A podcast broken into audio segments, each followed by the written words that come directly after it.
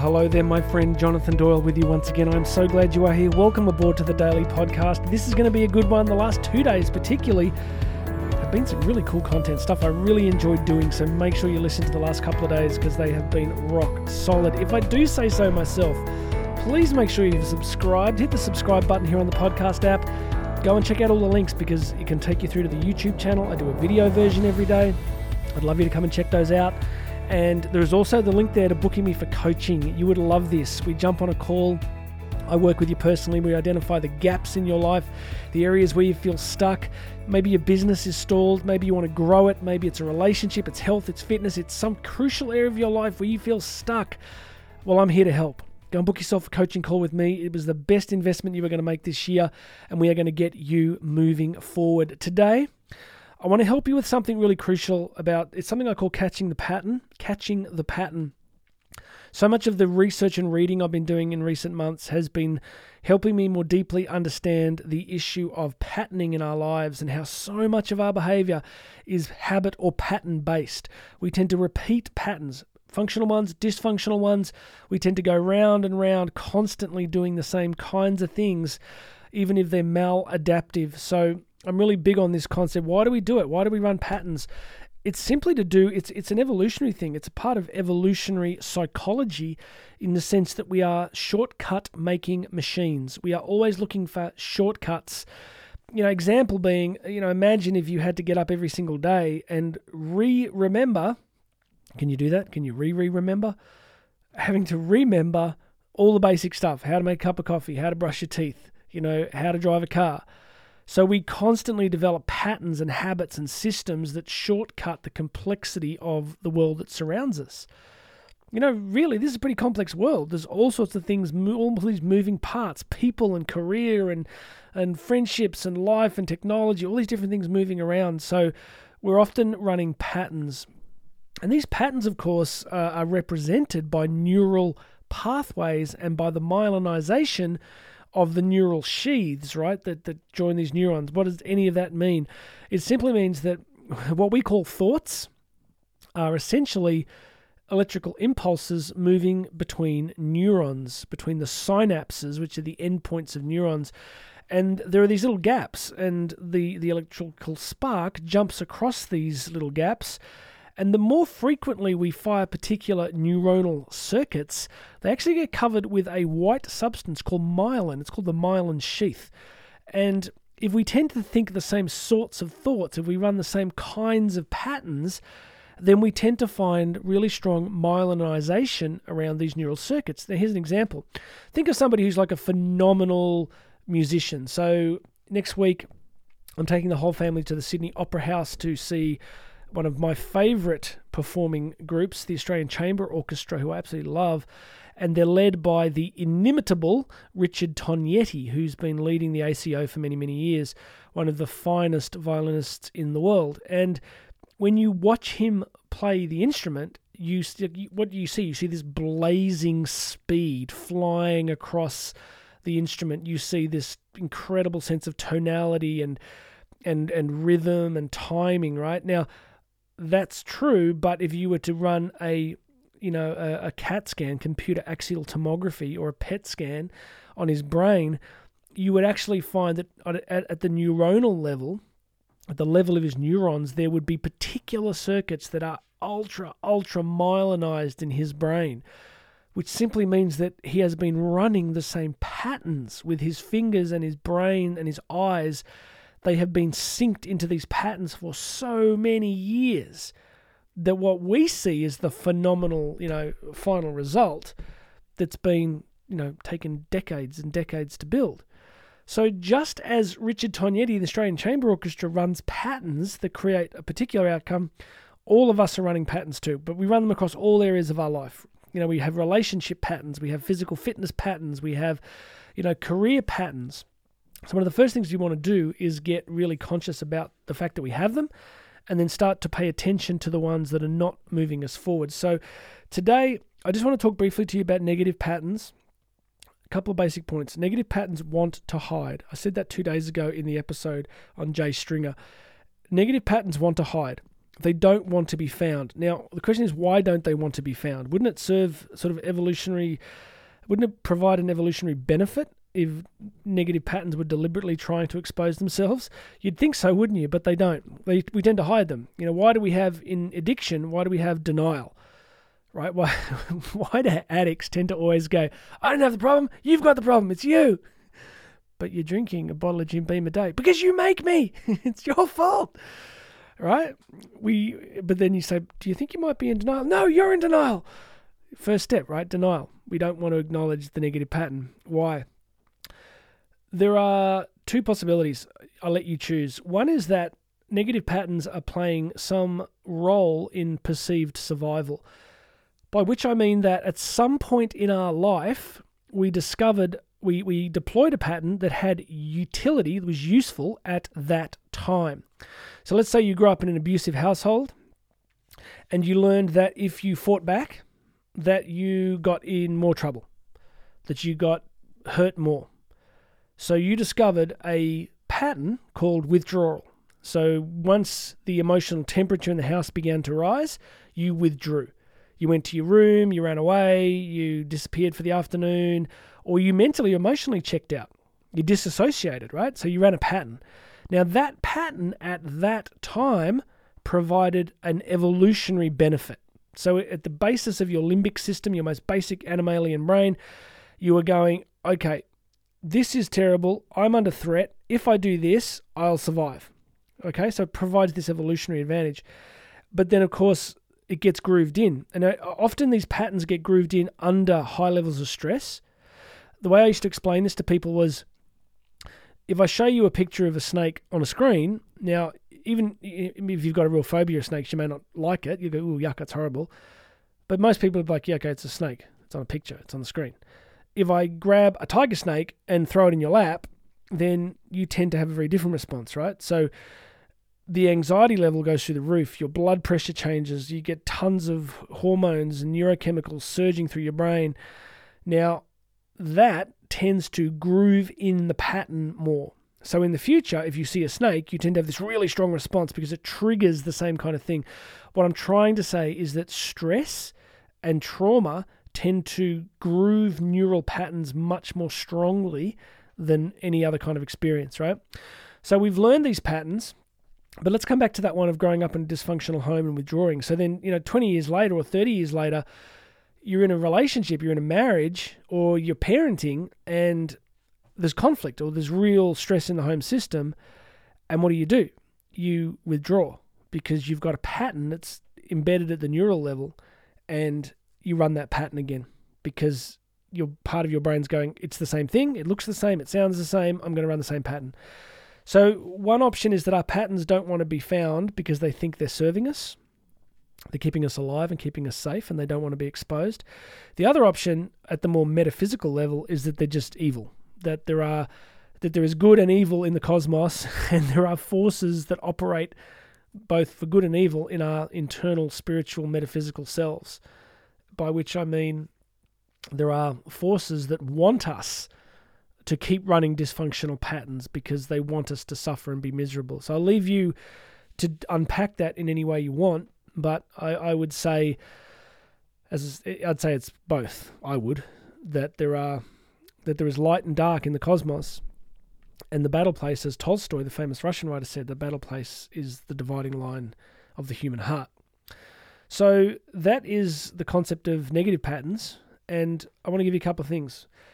The first thing about what we do here if you're wondering if you have any, uh, the way you can usually check if you have them is you'll find some important area of your life where things are not working. They're going really not the way you want, they're going sideways.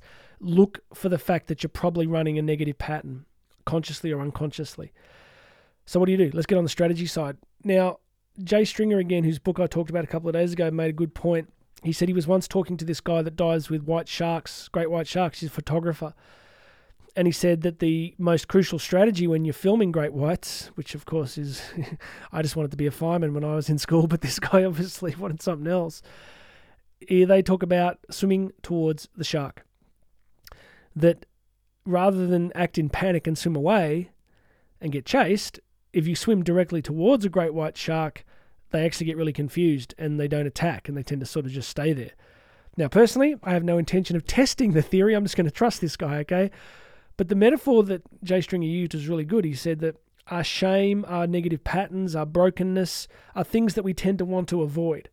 I mean, you don't meet someone and say, "Hey, how you doing? Can I just share with you my deepest negative patterns, maladaptive strategies, and deeply internalized shame?" It'd be awkward, right? But we have these things and we tend to avoid them.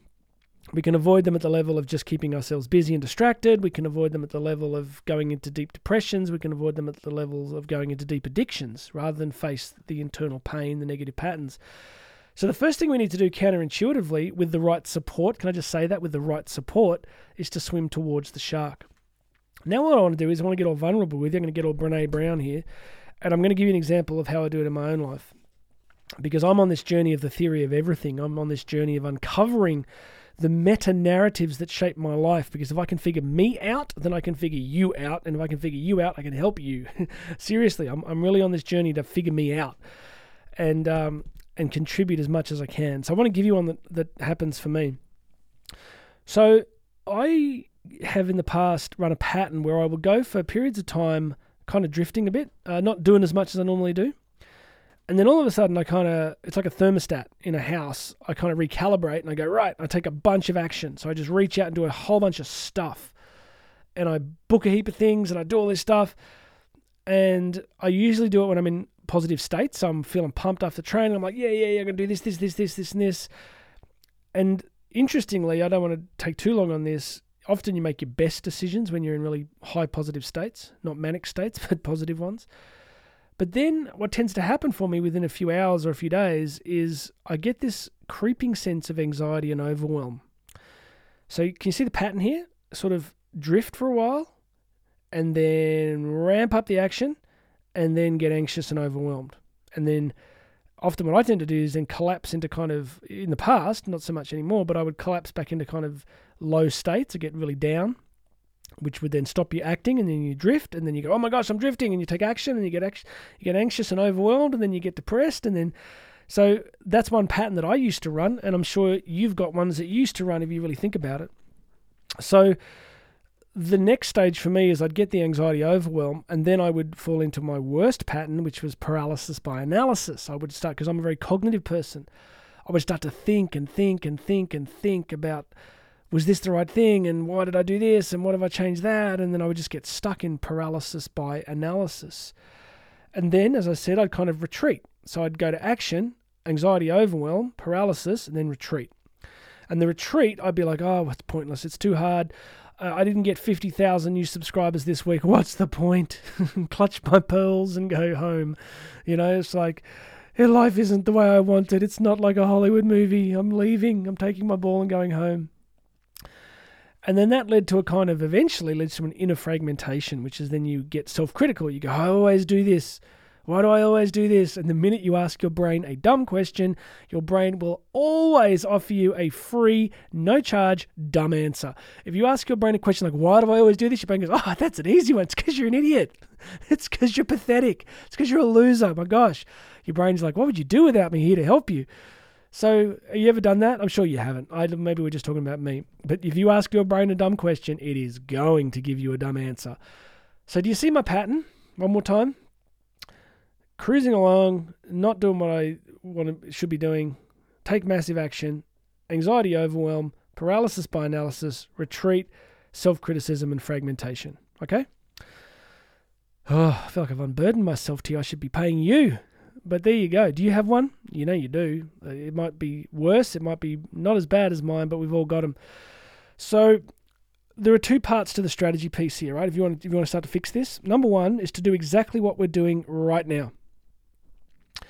Is um is to literally describe it to yourself in a journal or to someone else, and to go, "This is what I do." Just be honest. I mean, what is the point in lying to yourself any further, right? If you lie to yourself anymore, you're just going to get the same results. So we're learning to be conscious, we're learning to be awake, we're learning to be aware of how we're living, the stories we're in, what we're doing. And then what I'm discovering is the the way through is basically every platitude and cliche about, you know, everything you want is on the other side of fear, that sort of stuff. What I wrote in my notes here was hold on just a little longer. Just hold on just a little longer. Just just when you find yourself right at that point where you're going, oh, this is too much, I'm going to quit, it's terrible, why am I doing this, is not working, just a fraction longer. You got to outlast this sucker. And I was thinking, and I wrote this in my notes. I've seen the new Top Gun Maverick movie. I think about five times. I got kids, and they were at school, and, and so we saw it at different times. And then I watched it at home recently with the kids, and I'm like, there's the scene at the start. If you haven't seen it, spoiler. Well, it's not a big spoiler, but Tom Cruise is flying this test aircraft. Those of you that have seen it will know that scene. and he's like, all he has to do is get the plane to Mach 10, right? Speed. Never been done before. So he gets it to Mach 10 and there's this cool scene where he's just like, there's this look on his face, and he's got the accelerator stick in his hand, and he's like, and he just looks and he goes, just a little more, and he just pushes it just a little further to see if you can keep it going. I think this is a really good metaphor. Why? Because when you find yourself conscious and aware of your negative pattern, just a little more, just just hang in there, just a little more. Just keep going and committing where you normally would buckle. That's the magic. I think that's the magic. So there's two parts. What are they? First is consciousness and awareness. Notice the pattern. Be honest with yourself. Tell yourself the truth. There's your pattern. There you go. Oh, I'm doing it. I'm doing it right now. There it is. I'm doing the pattern. Write the pattern down. Put the pieces of it down, as I just did with you with my own pattern. I've explained it in all the different parts. And then just a little more. Just just just just hang in that uncomfortable space just a fraction longer. And then what happens is is if you hang in there a fraction longer, you will do things that you normally wouldn't have done. So, you know, sometimes with the different things that I do, I'd have important guests and stuff that I had to work with and interviews that I needed to do, and I'd be like, "Oh, not today. I can't do this." And and now I'm like, "No, I know I don't feel like it, but I'm going to do it." And then the minute you do it, it's awesome. On the other side of it, you finish it, and you're like, "Oh, that was really cool." And you suddenly go, "Oh, hang on, I just did the thing I didn't want to do. I just did the thing that I thought I couldn't do." And then you do enough of those, and then finally, what you get is identity change. And that's the true magic. The, that's the way you create a long term change. You, you create a long term change simply by changing your identity. And you change your identity by proving to yourself that you can do things you didn't think you could do. Example if you've never surfed, and then you start surfing, and then one day you surf massive waves, your identity changes from being a non-surfer to being a surfer to being a big wave extreme surfer because you did different things and those different things that you did changed your sense of identity over time so that's how it's done conscious awareness of the pattern hanging in there when it's difficult doing the exact thing you don't want to do and then that doing of the thing you don't want to do changes your sense of identity and that locks in the change. Pretty simple to say isn't it? I hope it's useful. Look there's a lot in that one huh? There is a lot in that and i hope it's a blessing to you. I um I've really enjoyed recording this one. Please make sure you're subscribed. Go check out the YouTube version. And um, if you want to book me for coaching to work through these sorts of things with you, do that. Go and hit that coaching link. We'll jump on a Zoom call. I will personally walk you through a coaching process that's really going to change your business, your health, your relationships, your mindset. That's what we do. So go book a coaching call. Do it now while you're feeling confident and you're feeling energetic. All right, everybody. My name is Jonathan Doyle. This has been the Daily Podcast, and you and I are going to talk again tomorrow.